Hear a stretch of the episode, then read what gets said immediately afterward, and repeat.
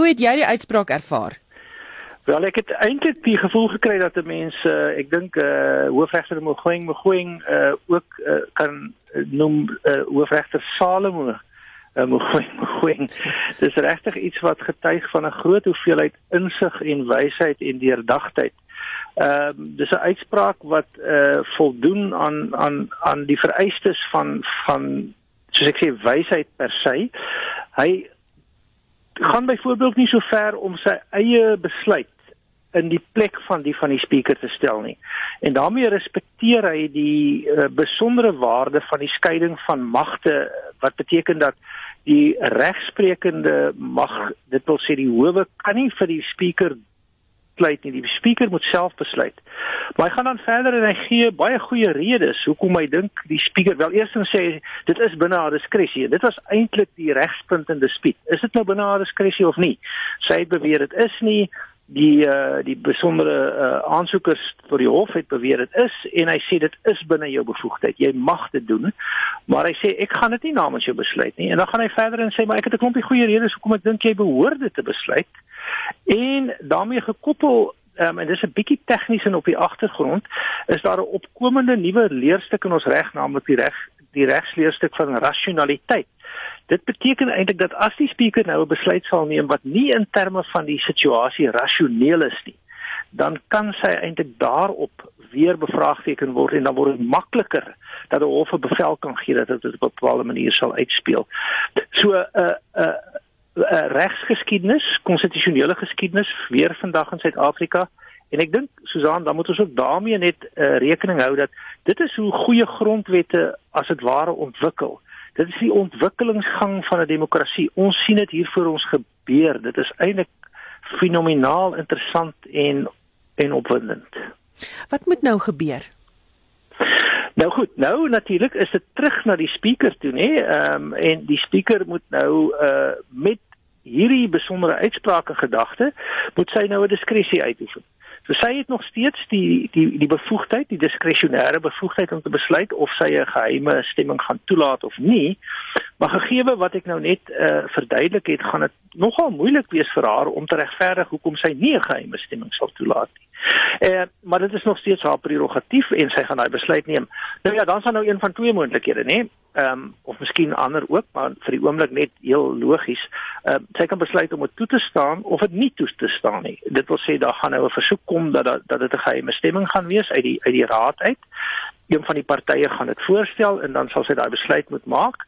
En as hy die besluit neem om nie dit toe te staan nie, dan gaan dit waarskynlik na 'n verdere ronde van uh, van hofsaake lei wat nie onmiddellik die probleem gaan oplos nie, maar wat ons regsgeskiedenis en ons presedente en ons regstelsel gaan versterk.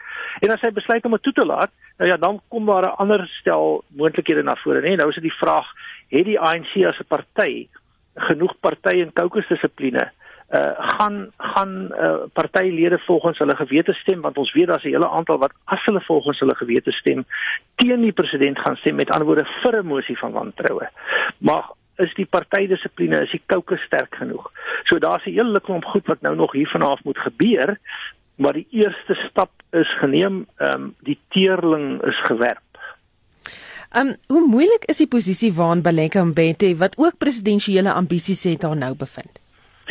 Dis is 'n dilemma. Ehm um, sy sy sy weet dat dat uh, sy is maar in dieselfde soort verskeurdheid waarin baie van van van hierdie ehm um, politieke uh amptbekleers is in terme van hulle ambisie wat gedien word uh, op hierdie stadium in elk geval nie tot die grootste mate deur hoe lojaal hulle aan die grondwet is, nie, maar hoe lojaal hulle ook nie eers meer aan die party is nie, maar hoe lojaal hulle aan die president is. En Ehm um, maar dis op hierdie stadium. Terwyl as 'n mens die langtermyn volhoubare keuses maak, dan is jy lojaal teenoor die mense en die parlement en die grondwet. Ehm um, so sy sê 'n dilemma. En die verdere dilemma het te maak met die verskywing van invloed. Hier's baie duidelik, ek het by herhaling al in ander uh programme en op by ander geleenthede gesê, hier is kantelpunte aan die ontwikkel. Stadig maar seker is die magsewewig aan die verskuif en dit maak dit eintlik vir sulke mense nog moeiliker want hulle moet nou besluit op watter stadium verlaat hulle die skip. Ehm um, ehm um, want dit mag wees dat om op die skip te bly beteken dat jy uiteindelik saam met die skip sink en verdrink. Nou in terme van tydstuur, waarna kyk ons vir die spreker nou moet besluit of dit 'n geheime stemming gaan wees al dan nie? Wel dit hang af van wat op hierdie stadium op die parlementêre program is, nee, die parlement het ook 'n uh, het ook 'n uh, 'n uh, ordelys en daar is sekere dinge reeds geskeduleer. Ehm um, uh ek is onder die indruk ek het dit nou nie gekontroleer nie dat die dat die dat die dat hierdie uh, die die die ehm um, die debat uh en die uiteindelike stemming oor die mosie van wantroue is reeds op die ordelys van die parlement en dit sal dan die, die eerste as dit ware punt wees waarop dit ter sprake kom. Ongelukkig het ek nou nie die detail om te sê dis die week of volgende week nie, maar wat ek wel onder die indruk van is is dat daar is eintlik al reeds eh, uh, besluit dat dit so 'n debat gaan plaasvind en dat daar eintlik 'n uitstel van die debat was ehm um, tot na hierdie uitspraak. So 'n uh, mens moet nou gaan kyk wanneer kan dit weer ehm um, op die ordelys geplaas word en intussen sal daar nou baie geskarrel wees en en 'n klomp posisionering. Baie dankie, dit was professor Erwin Schwella van Universiteit van Stellenbosch.